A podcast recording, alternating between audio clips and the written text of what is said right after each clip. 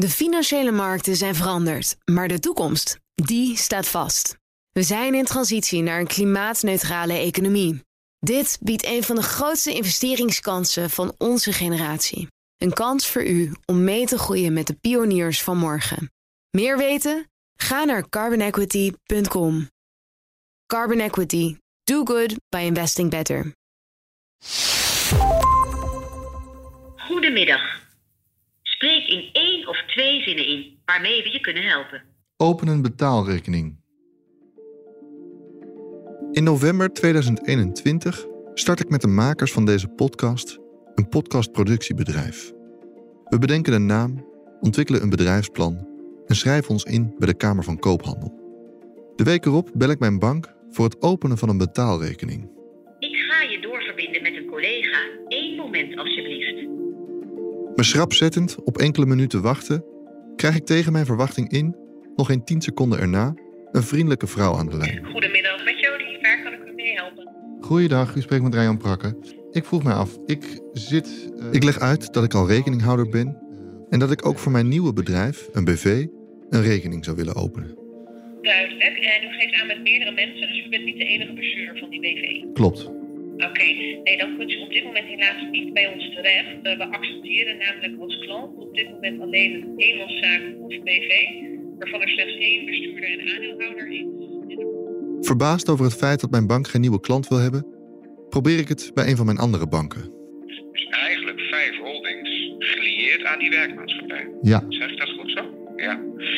Dat betekent nogal wat. Eh, dat betekent namelijk dat we eerst u en uw vier collega's een beeld willen krijgen van nou, wie, wie bent u?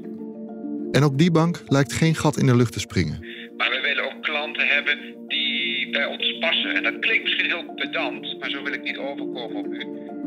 De betaalrekening kan ik uiteindelijk krijgen, maar het proces duurt eeuwen. Bij ons moet u rekening houden met een gemiddelde doorlooptijd van drie maanden. Is dit te lang, die drie maanden voor u en collega's? Nou ja, eh, je wil als bedrijf wil je gewoon starten en facturen kunnen sturen. En dat kan je niet zolang je geen rekening hebt. Dus Nee. drie maanden vind ik, wel, vind ik wel aan de lange kant, ja. Ja, ja, dat hoor ik vaak hoor. U bent niet de enige. En uiteindelijk vind ik een bank die iets sneller is. U, u bankiert al privé bij ons. Eh, dat betekent natuurlijk dat er ook al wat gegevens voor ons bekend staan. Ik zou in dit geval rekening houden met vier tot zes weken. En alles wat natuurlijk eerder is, is mooi meegenomen. Maar dit hele proces komt zo tegenstrijdig op me over dat het me even doet twijfelen aan alles wat ik tot nu toe gemaakt en verteld heb. Het was toch juist onderdeel van hun verdienmodel om mijn deposito's uit te lenen en transactiefees te rekenen over de betalingen die ik doe? Elke maand schrijven ruim 20.000 bedrijven zich in bij de Kamer van Koophandel. En al deze ondernemers kunnen maandenlang niet starten met werken. Wat gaat hier mis?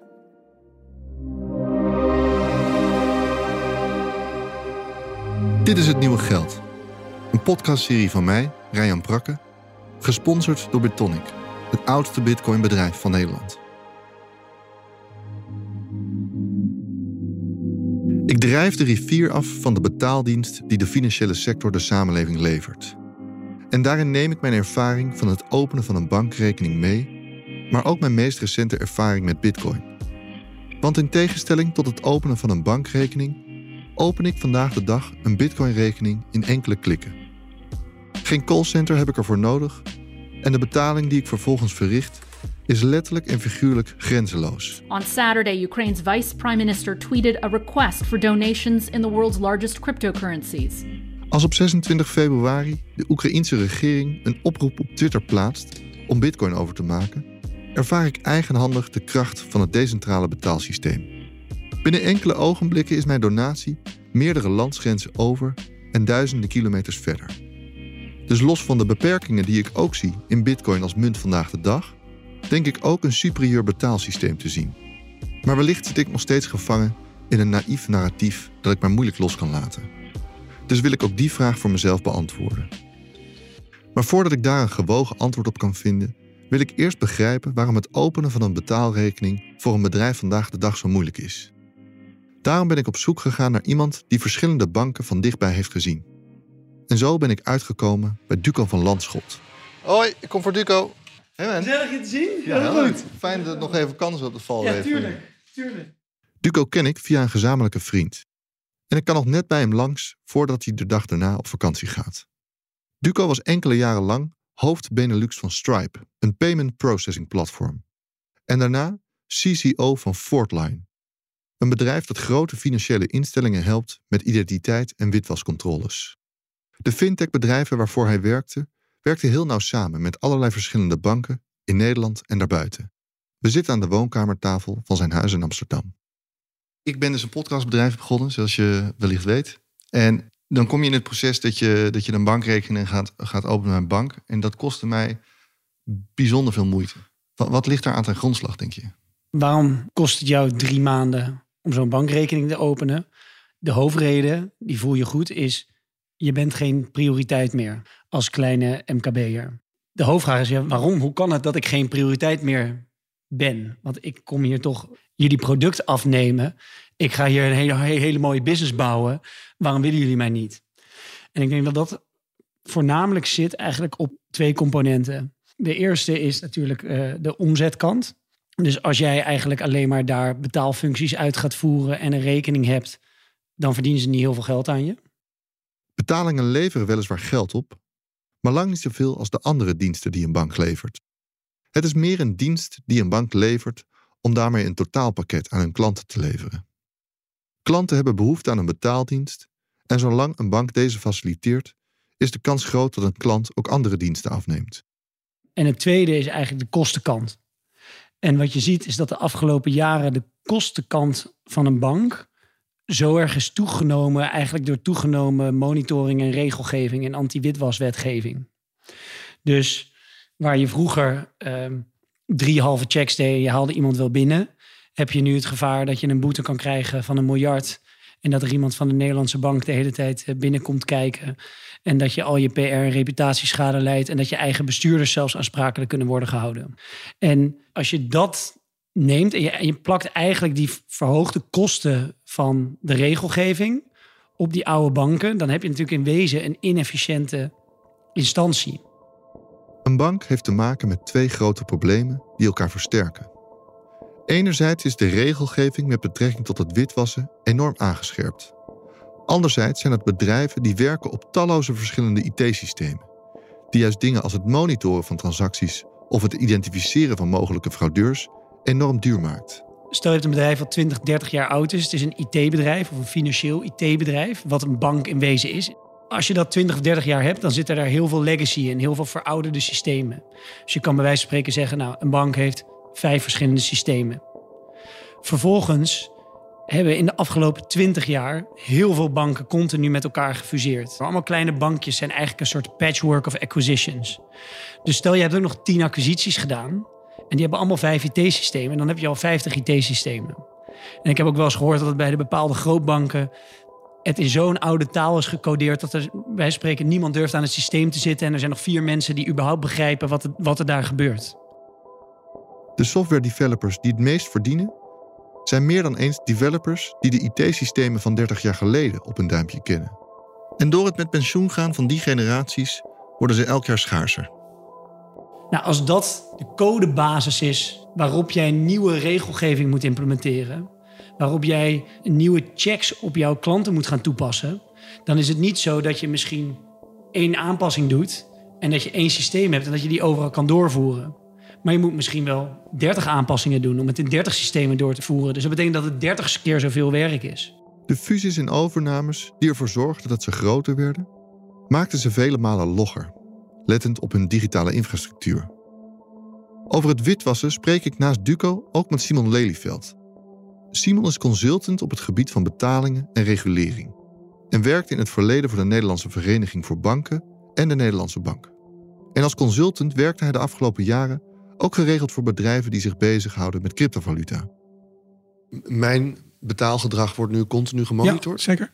Als je bij de Rabobank zit en je probeert een boeking van of naar met een zakelijke rekening boeking van of naar een cryptobedrijf, die wordt geweigerd. Ik word bij, uh, door de knap gebeld als uh, mijn klant dat, uh, die een bitcoinbedrijf is, als die mijn geld overmaakt, wordt het door de knap gebeld. En dan krijg ik zo mijn persoonlijke statieofficier van wat was dat?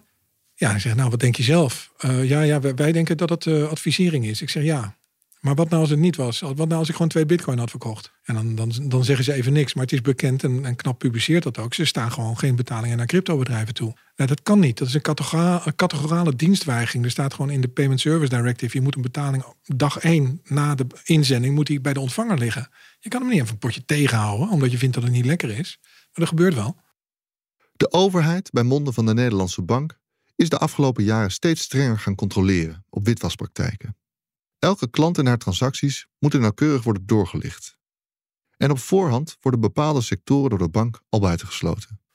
En er wordt gewoon a priori geweigerd. En de, de juweliers, de seksclubs, de autohandelaren, cafés met cash. Iedereen wordt besmet verklaard. Die mogen allemaal geen rekeningen meer krijgen. Of ze krijgen een rekening, maar dan mogen ze maar voor een bepaalde omzet uh, aan cashstortingen doen. Dus, dus je geld staat al onder curatelen. Je geld is al niet meer van jou.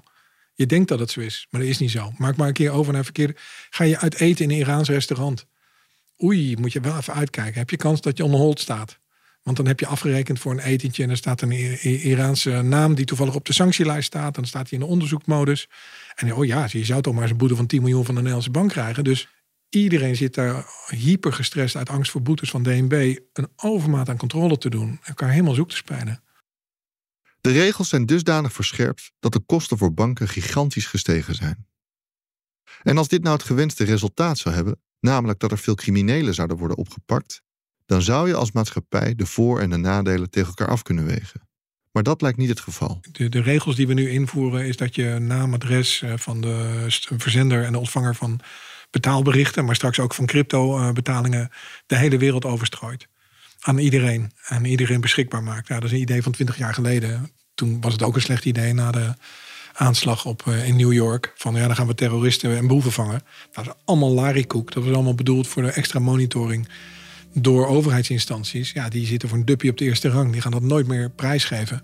Die maken iedereen wijs dat het nodig is om boeven te vangen. Nou, dat is niet waar. Want ze hebben er nog geen boef mee gevangen. Ik bedoel, het is, het is al twintig jaar bezig en de wetenschappelijke onderzoek kan laten zien dat er gewoon geen rendement is aan het vangen van geld. Dus het is een, een, een beleids- en een monitoringindustrie die we in het leven geroepen hebben op verkeerde gronden. Die we nog steeds op, opduwen aan private partijen.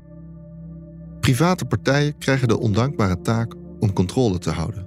Een taak die niet effectief blijkt en op zichzelf staand vele vragen oproept. Je bent dus gewoon massa surveillance aan het doen. En je gaat boodschappen en betaalberichten en betalingen tegenhouden. Totdat je vindt dat het goed is. Ja, maar dat is dus het omgekeerde van de onschuldaanname. Je bent onschuldig tot je schuldig bent bij de rechter. Ik neem aan dat jij ook vindt dat, dat we mensen die witwassen moeten stoppen. Nee, ik vind het echt onzinnig. Het gaat nergens over. Witwassen is een belastingmisdrijf. Waarbij je zegt, hé, hey, mijn gelden had ik hier verkregen en dat snoep ik daarheen. De de belasting. Ik vind belasting relevant in de zin van een inkomstenhuishoudboekje van de overheid. Als iemand af en toe de belasting belazert, kun je over afvragen hoe erg vind ik dat en wat moet ik daarmee. Dat moet je positioneren in de context van de overige misdaden in een samenleving en de overige relevante maatschappelijke trends. En als ik alle maatschappelijke trends van deze wereld en alle uitdagingen op een rij zet, inclusief wat er op monetair uh, beleidsgebied gebeurt, dan is de prioritering die aan witwas wordt gegeven bizar, onevenredig en het gaat volstrekt nergens over. Als een crimineel geld wil witwassen, is er altijd een criminele gebeurtenis aan vooraf gegaan, waardoor er geld witgewassen moet worden. Simon noemt het witwassen daarom secundair en de inbraak op de privacy te groot. Ik kan ook wel alle misdaden van de wereld op een rijtje zetten en zeggen al het geld wat daarmee verdiend wordt, en dat definieer ik dan als witwassen. En dus is witwasbestrijding goed. Nee, dat is andersom. Je moet niet handelen in ivoor. Je moet geen mensenhandel doen. Ja, en in de slipstream wordt er ook nog ergens iets met geld gedaan, maar dat is secundair. Dus je moet die primaire uh, delicten moet je op een rij zetten en kijken wat je daar het belangrijkste in vindt. En niet als een debiel op de geldstroom gaan zitten omdat de belastingambtenaren dat leuk vinden. Dat is echt, echt prioriteit op een verkeerde plek hebben. En, en er is een cult en een hypnose en een geloof ontstaan alsof dat relevant is. Maar je moet terug naar af. Witwassen moet in een rijtje staan van de relevante economische en uh, criminele delicten. En je moet je afvragen hoe hoog hoort die in dat rijtje te staan, gezien de samenleving van dit moment en de uitdagingen van die samenleving. En als je dat debat op een normale manier voert zonder de betrokken belangen van mensen en organisaties die zichzelf in de lucht willen houden, dan kan het niet anders dan op een heel lage plaats terechtkomen. Of je witwascontroles wenselijk vindt of niet, met het uitvoeren van witwascontroles heeft de commerciële bank publieke taken toegewezen gekregen, die op veel andere gebieden door de overheid zelf worden uitgevoerd. Wat daar eigenlijk opmerkelijk aan is, is dat als je dat vergelijkt met KLM of de haven van Rotterdam, dan is KLM is niet verantwoordelijk voor het vervoer van de bolletjeslikkers. En vervoerders als uh, Maersk of MSC zijn ook niet verantwoordelijk voor alle koken in containers. En wij allemaal als maatschappij, maar ook de politiek, Den Haag, wij vinden het allemaal vrij logisch. Van, oh ja, natuurlijk, daar houdt de overheid toezicht op. Waarom moeten de banken dit wel zelf doen en doet op andere vlakken de overheid het eigenlijk? Want iedereen staat in de, in de blinde passie voor het besje van bankiers. Het zijn natuurlijk het meest gehate jongetje uit de klas sinds uh, de financiële crisis. Maar waarom mag KLM bolletjeslikkers vervoeren en mag Maersk containers vol kook in de haven parkeren. Maar als ING een keer een paar witwassers doorlaat, oh, dan is ING de allergrootste scapegoat van de Nederlandse samenleving. Ook ik betrap mezelf erop dat ik geneigd ben om bij alles wat verkeerd gaat naar de motieven van banken te kijken. Maar wellicht is de opgeheven vinger niet altijd terecht. Daarnaast roept het bij mij de vraag op waarom de overheid niet zelf deze witwasmonitoring verzorgt. Wat eigenlijk de kern is waarom dat naar die banken is gegaan, is dat de overheid die kan niet zelf effectief toezicht houden op die klantdossiers en op al die malafide transacties. En daarom hebben ze die publieke taak eigenlijk gedelegeerd aan een private sector. Daarbij kan je afvragen of een bank wel de juiste incentives heeft om de onderste steen altijd boven te krijgen, denk ik dan. Het is voor hun alleen maar een kostenpost. Precies. Precies. Dus er is natuurlijk ook een reden. Ze hebben het ook niet goed gedaan.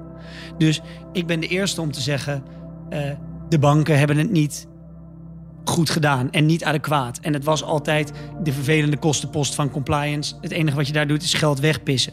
Dus die hoge boetes die hebben natuurlijk wel bewerkstelligd dat het serieus wordt genomen. Maar als je het omdraait en het naar de overheid kijkt en je zegt hoe effectief is de overheid in het tegengaan van dat er cocaïne dit land binnenkomt? Want ik kan gewoon op mijn WhatsApp hier een dealer-app in Amsterdam. Die stuurt mij een menukaart door die mooier is dan mijn menukaart van Uber Eats. De overheid wijst met de vinger, maar de vraag doemt zich op of controle op deze schaal überhaupt wel wenselijk en haalbaar is. En als we het wel wenselijk vinden, is het dan realistisch om dat door commerciële partijen te laten doen? Of moet je als samenleving dan zelf de rekening daarvoor betalen? Eerste deel van mijn antwoord heb ik gevonden. De betaaldienst is voor de bank veel minder aantrekkelijk vanwege de controledwang van de overheid en de kosten die daarmee gepaard gaan. Dan het deel van de opbrengsten. Vanuit mijn fascinatie voor Bitcoin en het narratief dat daarmee gepaard gaat, is bij mij tussen de oren gekropen dat banken enorme hoeveelheden fees rekenen en dat internationale betalingen lang duren. Maar wellicht onderschat ik wat er voor nodig is. En daarom wil ik in gesprek met iemand die beide werelden goed kent. En zo word ik door verschillende mensen gewezen op Teunis Brozens. Teunis is hoofdeconoom Digital Finance and Regulation bij de ING. Teunis. Ja, Jan, leuk om je te ontmoeten. Ja, En we spreken elkaar op de gigantische, door glas omgeven campus in Amsterdam Zuidoost. Dit is redelijk uh, nieuw, toch allemaal? Ja, dit is 2,5 jaar geleden, uh, drie maanden voor corona, zijn we hier naartoe verhuisd. Ah, ja. En toen hebben we hier wel voor twee maanden of zo gezeten. We lopen een aantal trappen naar boven en nemen plaats in een kleine ruimte op de researchafdeling. Nou ben ik een, uh, een podcastproductiebedrijf begonnen. Mm -hmm. Nieuw narrative, zag ik je. Ook Teunis leg ik de hele situatie met de moeilijk te openen bankrekeningen voor. Het is toch ook onderdeel van jullie bedrijfsmodel dat jullie mijn deposito's uitlenen aan anderen? Ja, kijk, ik denk hè, banken weigeren niet voor de lol uh, klanten. Hè, dat, dat, uh, hè, dus dat, er zit inderdaad altijd wat achter als dat gebeurt. Ja, de informatie die banken uh, moeten opvragen, dat pakket wordt steeds groter, hè, wat, er, wat er gedocumenteerd moet worden. en dat kost geld. Dat, dat is een feit. Daarnaast is het wel zo dat hè, die functie van sparen eigenlijk ook binnen een bank staat hier, zou je kunnen zeggen, redelijk los van de functie betalen. Waar voor mij mijn spaarrekening en mijn betaalrekening nagenoeg hetzelfde zijn, wegens het gebrek aan rente, is dit voor de bank een enorm verschil. Het zijn andere afdelingen met andere mensen en andere technologieën. Een goed werkend betaalsysteem heeft een aantal kenmerken. Efficiëntie is een belangrijke. En dat heeft te maken enerzijds met dat een betaling dus snel gaat. Uh, maar ook dat een betaling uh, finaal is. En dat wil zeggen dat eigenlijk dat als de transactie geweest is, dat die dus dat beide partijen er ook zeker van kunnen zijn dat die ook echt heeft plaatsgevonden. Hè? Kijk, wat een winkelier natuurlijk niet wil, is dat de klant betaalt in de winkel en dat uh, het apparaat het bonnetje uitspuugt en dat aan het einde van de dag hij bericht krijgt van de bank van, oh ja, er is iets misgegaan, dus die transactie die, die is er eigenlijk helemaal, heeft helemaal niet plaatsgevonden. En dat, dat, wil, dat wil je echt niet. Als winkelier niet. En natuurlijk hoe groter de bedragen worden, hoe meer je dat niet wil. Kosten natuurlijk ook. Hè? Ja, zeker in particulier vanuit particulier perspectief in Nederland hebben wij een heel efficiënt en goedkoop betalingssysteem. Hè? Als particulier betaal je ja, daar eigenlijk niet per transactie sowieso niet. Uh, hè, maar ook voor je betaalrekening betaal je niet veel in Nederland. Uh, hè, voor winkeliers ligt dat anders. Die betalen wel per transactie. Um, hè, maar het Nederlandse betaalsysteem staat wel bekend internationaal als efficiënt en goedkoop. Het Nederlandse betaalsysteem wordt internationaal gezien als een van de meest geavanceerde. Maak ik iets over naar een andere Nederlander, dan is dat binnen een seconde geregeld. En ook online betalingsdiensten als Ideal en Tiki zijn internationaal gezien vooruitstrevend. Kijk je onder de motorkap, dan wordt het systeem wel een stuk ouder en complexer. En dat wordt duidelijk zodra ik Teunis de volgende casus voorleg. Eh, jij zit in Amerika, in New York, en ik wil jou iets betalen op je bankrekening. Door, kan je me eens meenemen door wat voor soort lagen gaat dat allemaal? Uh, stel, ik zit bij een kleine bank in Nederland en inderdaad, ik wil geld naar jou overmaken in Amerika en jij zit in Amerika. Ook bij een kleine bank. Ik maak geld aan jou over. Uh, nou, dat begint bij mij in euro's en dat moet bij jou eindigen in dollars. Wat er dan gebeurt, is dat mijn kleine bank, die heeft zelf geen contacten in Amerika. Dus waarschijnlijk gaat mijn kleine bank contact opnemen met een van de grote banken in Nederland. Om te zeggen, goh, ik heb hier uh, deze 100 euro. Die moet uiteindelijk naar meneer Prakke in New York. Uh, kun jij dat voor me faciliteren? Nou, prima, zegt die grote bank. Ga ik voor je regelen. By the way, ik wil daar natuurlijk wel even een kleine kostenvergoeding vervangen. Een bank is een netwerkorganisatie waarin de grote banken werken als hubs. Elke partij in het systeem is verplicht om zijn eigen checks uit te voeren en rekent daar een prijs voor. Grote Nederlandse bank neemt contact op met een uh, Amerikaanse grote partnerbank. Nou, wil je deze transactie verder leiden? Ja, dat is goed. Zegt die grote Amerikaanse partnerbank. Van wie is het eigenlijk? Waar moet het eigenlijk naartoe? Wat zijn dat voor types? Kun je me daar iets over vertellen? Uh, ik wil er wel even wat checks op doen of dat allemaal zuivere koffie is. Zijn er geen uh, gesanctioneerde bedrijven of personen bij betrokken? Uh, wat is eigenlijk het doel? Gaat dat niet om dingen die verboden zijn? Nee, oké, goed. Nou, dan wil ik het wel doen. Natuurlijk wil ik wel weer uh, gecompenseerd worden voor mijn kosten. En oh, by the way, het is nu twee uur s'nachts hier in Amerika. Dus we moeten even wachten tot morgenochtend 9 uur. Oké, volgende ochtend 9 uur gaat die grote Amerikaanse bank contact opnemen met de kleine Amerikaanse bank waar jij dan je rekening hebt. En komt dat geld uh, bij, jou, uh, bij jouw bank terecht en jouw bank ja, stort dat dan op jouw rekening. Hè, dus dan in dit verhaal zijn er dus al vier banken onderweg betrokken. En nou, dat kan vrij snel gaan, maar daar gaat dan al makkelijk een dag, misschien wel twee dagen overheen. Om het nog volgbaar te houden, heeft Teunis hier ook nog een aantal publieke schakels uit weggelaten. Zo heb je nog de centrale banken die hier tussen zitten, de Bank of International Settlements en dingen als het SWIFT-systeem, een soort berichtenservice voor betalingsverkeer. En daarnaast hebben we hier ook nog een redelijk simpel en veel voorkomend voorbeeld gekozen. Kijk, het voorbeeld van Nederland naar Amerika, dat, dat is vrij makkelijk. Maar je kunt je voorstellen als we dit voorbeeld doen naar een land in Latijns-Amerika, Afrika of een kleiner Aziatisch land, uh, dat er echt al meer tijd overheen gaat. Ja, dat kan zo een paar dagen duren. Voor kleinere bedragen ben je zo een paar euro aan transactiefees kwijt. Voor grotere bedragen wordt er vaak een percentage gerekend. En dan kan het snel in de honderden of duizenden euro's gaan zitten. Moet ik het nou eigenlijk zo zien zeg maar, dat wij in Nederland eigenlijk het meest vooruitstrevende betalingssysteem hebben wat past binnen een relatief verouderde infrastructuur? Um, met die toevoeging denk ik dat we een heel eind komen op de traditionele infrastructuur die we hebben, eh, dat we daar een aantal dingen opgezet hebben, waardoor het uh, ja, heel erg goed mee kan met het digitale tijdperk. De onderliggende betaalinfrastructuur is oud. Gebouwd in een tijd waarin de wereld minder digitaal en geglobaliseerd was. Jaar na jaar is er een nieuwe laag aan toegevoegd. die ervoor zorgde dat het systeem nog even langer mee kon. De echte incentives voor banken om te innoveren, prikkels door concurrentie op het betaalvlak, is er decennia lang onvoldoende geweest. Ik denk dat er een tijd was, tot niet zo heel lang geleden, een jaar of vijf geleden, dat die prikkels er misschien wel niet genoeg Maar zeker voor grensoverschrijdend betalingsverkeer en ook als je kijkt naar andere landen, was er misschien wel meer te doen geweest. Ik denk wel dat die tijd echt voorbij is. dat komt enerzijds uh, door cryptocurrency, uh, die laat zien ehm, hoe het ook kan. En natuurlijk kun je dan zeggen, ja, maar zover zijn we nog niet. En op een bitcoin-transactie on-chain, dus op de blockchain zelf, dat is traag en dat is soms duur. Ja, misschien wel, maar het Lightning-netwerk is in aantocht. Hè? En uh, ja, toch wat daar misschien mogelijk wordt in de nabije toekomst aan snel en goedkoop betalingsverkeer, dat, dat, nou, dat, dat ziet er best wel veelbelovend uit, denk ik. Dus waar sommige banken, bedrijven die zich bezighouden met cryptovaluta, weigeren een betaalrekening te geven, hoor ik nu dat men wel degelijk de innovatie ervan erkent. Daarnaast zijn centrale banken bezig met hun eigen digitale munten dat is natuurlijk ook iets waarvan banken denken: hé, hey, uh, wat zijn die allemaal van plan? En, maar eigenlijk misschien nog wel daarnaast hè, zijn er um, de afgelopen jaren de, de grote big tech platforms, uh, Facebook, maar ook Apple, Google, hè, die uh, hun eigen betaalsystemen hebben geïntroduceerd. De bank krijgt sinds een aantal jaren van allerlei kanten concurrentie. Cryptovaluta worden ontwikkeld, de centrale bank werkt aan een betaalsysteem. En ook Google Pay en Apple Pay proberen de consument voor zich te winnen.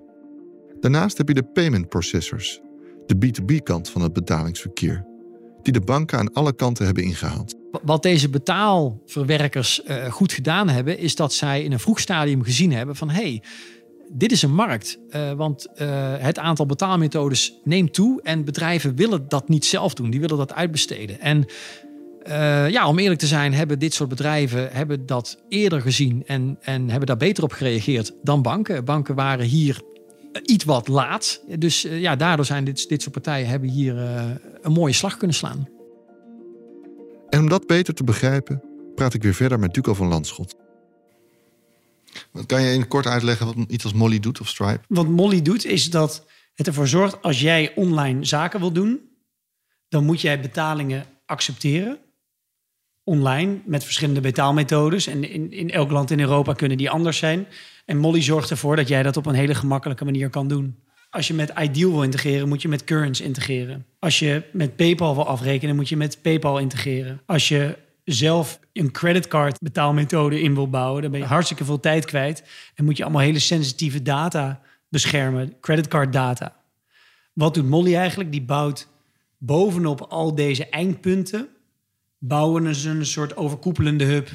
Waardoor je niet meer apart naar Ideal toe hoeft, apart naar de creditcardmaatschappij, apart naar Klarna. Je hoeft alleen maar Molly te integreren. Het feit dat die bedrijven zoals, zoals Molly nu zo significant veel groter zijn eigenlijk dan de banken zelf. Betekent dat niet ook dat de banken iets niet hebben gezien wat zij wel hebben gezien? Als in dat juist die betaalinfrastructuur, dat daar juist eh, het geld te verdienen valt?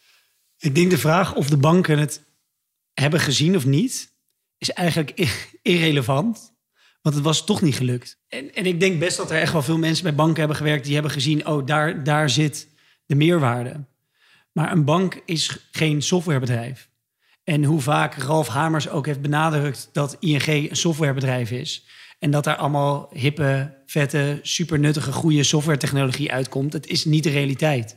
Het is niet wat gebeurt. Dus als ik een fintech-bedrijf opricht en mijn concurrentie die tegen me op gaat nemen zouden vijf grootbanken zijn, dan zou ik daar geen nacht van wakker liggen. En dat is niet arrogant bedoeld, want grootbanken kunnen ook heel veel dingen veel beter die wij niet kunnen. Maar het bouwen van een tech-product, gewoon een softwareproduct, dat zie je gewoon niet gebeuren. En, en het lukt ook niet. Dat is, dat is een beetje wat ik me, wat ik me afvraag. Hè? Dus mijn beeld is eigenlijk dat, dat de, de banken, omdat er jarenlang geen concurrentie was, die hele betaalinfrastructuur een beetje op zijn beloop hebben gelaten. Vervolgens kwamen er toen in één keer allemaal nieuwe, nieuwe digitale jongens en meisjes die al die systemen beter op elkaar wisten te verbinden. Maar er is niet op soort van fundamenteel niveau heeft er een vernieuwing plaatsgevonden. Het is meer een soort laag bovenop exact. het systeem. exact. Dat is exact wat er is gebeurd. Dus het is eigenlijk nu nog een laag bovenop dat oude financiële systeem. Dan vervolgens worden componenten daarvan, van het oude financiële systeem, worden weer uitgewisseld. Dus Adyen gebruikt eerst een partnerbank, maar wordt vervolgens zelf ook een bank. Want dan hebben ze toch meer flexibiliteit, meer mogelijkheden, een nieuwe technology stack waar ze het zelf op hebben gebouwd in plaats van dat ze van iemand afhankelijk zijn. Je kan ook meer marge pakken, want de bank verdient natuurlijk ook nog iets aan het doen, uh, aan, het, aan het geven van hun diensten. Maar uiteindelijk is het op elementair onderliggend, zeg maar, architectuurniveau, is niet veranderd. Ja, en toch ergens frustreert het me dat ik, omdat ik denk, maar dat kan, kan misschien een beetje te veel gevangen zijn in mijn eigen uh, crypto-wereld hoor. Maar dan denk ik, dan is het toch veel interessanter om van onderop te kijken van hoe kan je die infrastructurele laag vernieuwen. Dat is dan toch de daadwerkelijke innovatie als samenleving die veel globaler van aard is, veel digitaler van aard is. Dat is dan toch de innovatie die je eigenlijk zou willen hebben. Ja, ook. Want, want de innovatie, die, de reden natuurlijk dat, dat een Adyen of een Molly of een PayPal of een Stripe zoveel waard is, is omdat die innovatie is ook heel veel vraag naar. Dus dat is de, de innovatie die nu is gebeurd, waarbij je bovenop die oude banksystemen eigenlijk een betere online banksuite bouwt. Want dat zijn eigenlijk in wezen die, die, die fintechs aan het doen. Nou, dat blijkt een hele waardevolle innovatie te zijn. Lost inderdaad bepaalde problemen in de kern niet op. Het maakt niet die SWIFT-overschrijving wereldwijd, die wordt er niet goedkoper door. Die kost nog steeds veel te veel en die is nog steeds veel te langzaam. Heel veel mensen in de fintech-industrie onderschrijven dat op een heel soort van first principle elementair niveau kan blockchain heel veel dingen oplossen die nu sinds 1970 al op een, op een verouderde manier in het systeem zitten. Maar van theorie naar dat er werkelijk vraag naar is, dat het wordt geïmplementeerd en dat het nu opportunity voor je is. Daar zit gewoon nog best wel veel ruimte tussen droom en werkelijkheid. Mijn droom over de mogelijke oplossing die Bitcoin en andere cryptovaluta de wereld kunnen brengen, zijn niet per se gestoeld op naïeve gedachten. Wel is de werkelijkheid weerbarstiger en ben ik naïef geweest over de implementatie ervan. We komen van een bankenindustrie en bewegen naar een netwerkeconomie. En in deze tussentijd dienen we keuzes te maken over de mate van toezicht en transactiemonitoring die we toe willen laten. Want we kunnen de techniek nog zo snel en grensoverschrijdend maken als het de transactiemonitoring is die de snelheid bepaalt. Dit binnen de kortste keren ook een Bitcoin-transactie enkele dagen. De trend van dit moment is dat uh, blockchain en Bitcoin in hetzelfde jasje wordt gehezen als een gewoon betaalmiddel. En dan is de onvermijdelijke consequentie dat het ook drie dagen gaat duren. Dan prefereer ik het om te leven in een wereld waarin innovatie de ruimte krijgt en we het mensenrecht omarmen om onschuldig te worden gehouden, tot het tegendeel bewezen is. Waarin we inzetten op alle overige opsporingsmethodieken of simpelweg iets meer risico op witwassers aanvaarden. Dat liever dan leven in een schijnveiligheid, waar het openen van een rekening maanden duurt, onze privacy wordt geschonden en we nooit zullen weten wie onze data ooit in handen krijgt.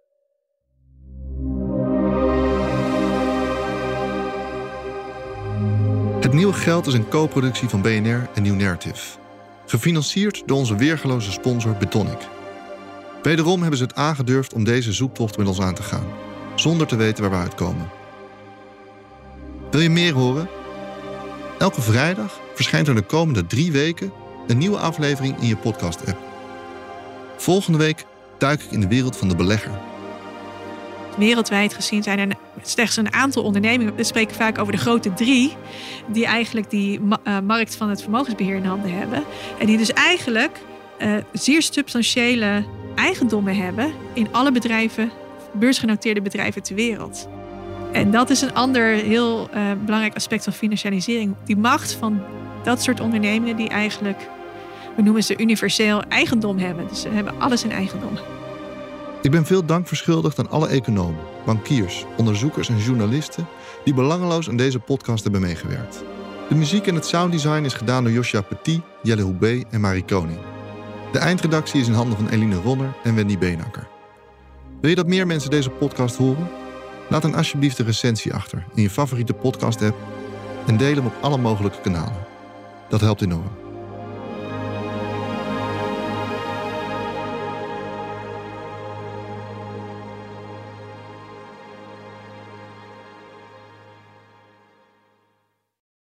De financiële markten zijn veranderd, maar de toekomst, die staat vast. We zijn in transitie naar een klimaatneutrale economie. Dit biedt een van de grootste investeringskansen van onze generatie. Een kans voor u om mee te groeien met de klimaatoplossingen van morgen. Meer weten? Ga naar carbonequity.com. Carbon Equity. Do good by investing better.